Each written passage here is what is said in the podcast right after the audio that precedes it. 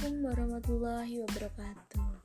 Halo, aku Rias Dewi. Di sini akan membahas mengenai interaksi dan persepsi sosial di masa pandemi COVID-19. Teman-teman pasti pernah mendengar kata interaksi kan? Jadi, interaksi secara umum dapat diartikan sebagai kegiatan saling berhubungan ataupun saling bereaksi yang terjadi pada dua orang individu ataupun lebih. Sedangkan kata sosialnya, seperti yang kita ketahui, adalah sesuatu yang berkenaan atau berkaitan dengan masyarakat. Pada dasarnya, manusia itu adalah makhluk sosial, makhluk yang memerlukan orang lain untuk keberlangsungan hidup yang dijalaninya. Manusia pasti berusaha untuk menjalin relasi atau hubungan yang baik dengan orang lain baik itu dengan orang yang lebih tua, dengan orang yang lebih muda, maupun dengan orang yang sebaya atau seusianya. Nah, permasalahannya nih, Indonesia dan beberapa negara di dunia tengah menghadapi suatu pandemi bernama COVID-19 yang memaksa manusia untuk melakukan pembatasan interaksi secara langsung satu sama lain. Padahal interaksi sosial sangat dibutuhkan dalam kehidupan sosial. Karena interaksi sosial ini merupakan kunci dari kehidupan sosial itu sendiri, terutama untuk seorang anak yang sedang berada pada fase perkembangan. Interaksi sosial merupakan salah satu hal yang dibutuhkan oleh anak untuk bisa membangun karakter dan kemampuan sosialnya dalam berinteraksi dengan orang lain.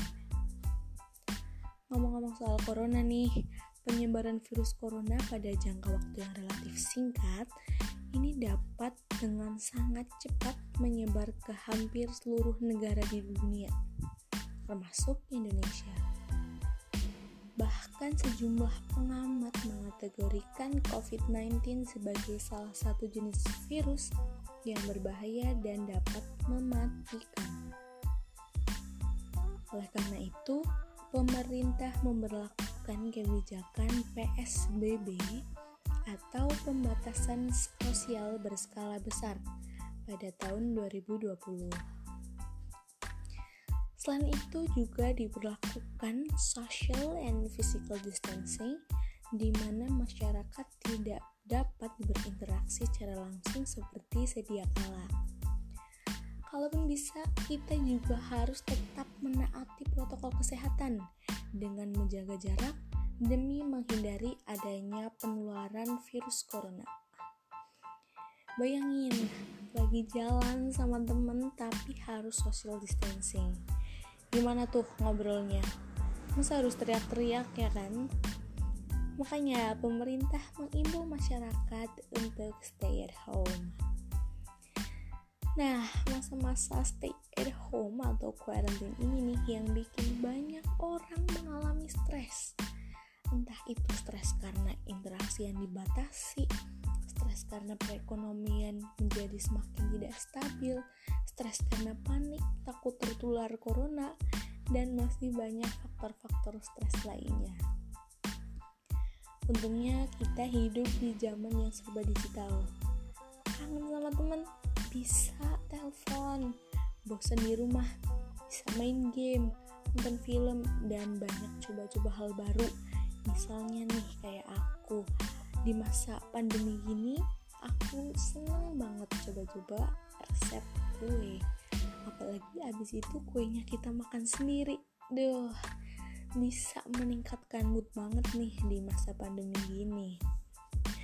Oke lanjut ke masa PSBB Pemberlakuan kebijakan ini juga berpengaruh ke terhadap kegiatan pendidikan yang harus dilakukan dengan jarak jauh dan dilakukan secara daring atau online. Kebayangkan pusingnya gimana? Belum lagi kalau harus cari temen. Serba virtual gini, kan kita jadi nggak tahu ya sifat anak itu gimana dia itu asik atau enggak cara dia berpikir cara dia bicara cara dia bertingkah itu gimana nah hal ini bikin kita mendadak jadi cenayang nebak-nebak sifat temen baru. Dalam psikologi sosial ini dinamakan dengan persepsi sosial yang merupakan suatu proses seseorang untuk mengetahui, menginterpretasikan, dan mengevaluasi orang lain yang dipersepsi mengenai sifat-sifatnya, kualitasnya, dan keadaan yang lain yang ada dalam diri orang yang dipersepsi sehingga terbentuk gambaran mengenai orang yang kita persepsikan. Latar belakang terjadinya persepsi sosial didasarkan pada dimensi evaluatif, yaitu untuk menilai seseorang. Penilaian ini akan menjadi penentu untuk berinteraksi dengan orang selanjutnya. Artinya, persepsi sosial timbul karena adanya kebutuhan untuk mengerti dan meramalkan orang lain. Contoh persepsi banyak banget nih. Misalnya, kita punya temen ya kan, entah itu secara virtual ataupun temen secara nyata. Menurut kita, teman kita itu humble banget, orangnya tuh asik banget. Tapi menurut temennya yang lain dia itu orangnya so asik. Dia tuh orangnya SKSD dan lain sebagainya. By the way persepsi nggak cuma ke orang loh. Ada juga persepsi mengenai suatu objek. Misalnya nih pada waktu itu kan pemerintah membuat kebijakan mengenai online school nah pasti ada dong yang pro dan kontra ada yang menganggap bahwa ini adalah kebijakan yang baik dan solutif. Ada yang menganggap bahwa kebijakan ini hanya pembodohan semata masyarakat Indonesia karena instansi pendidikan dilakukan dengan jarak jauh. Lalu bagaimana nih caranya memperbaiki pola interaksi kita dengan orang lain berdasarkan persepsi yang kita ciptakan? Kalau kata aku nih kita harus menanamkan ke diri kita bahwa nothing is perfect in this world. Orang itu punya banyak sisi dalam dirinya. Ada yang sisi untuk ditunjukkan ke kita sisi yang ditunjukkan ke orang lain ada juga sisi yang ditunjukkan hanya untuk diri sendiri. Jadi tetap bangun relasi dengan siapa pun meskipun di masa pandemi gini untuk meningkatkan interaksi sosial kita pastinya. Jangan pandang bulu kita juga kan nggak tahu semua sisi dari seorang individu. Kali aja orang yang kita anggap tidak lebih baik dari kita eh ternyata punya pemikiran yang hebat pola hidup yang positif kepribadian yang oke okay, dan lain sebagainya. Yang kita anggap pendiam ternyata orangnya asik dan orangnya mudah beradaptasi dengan lingkungan lain. Tetap positive thinking karena semua yang positif lebih baik daripada negatif. Kecuali positif corona pastinya. Improve your skill juga penting banget nih di masa pandemi gini.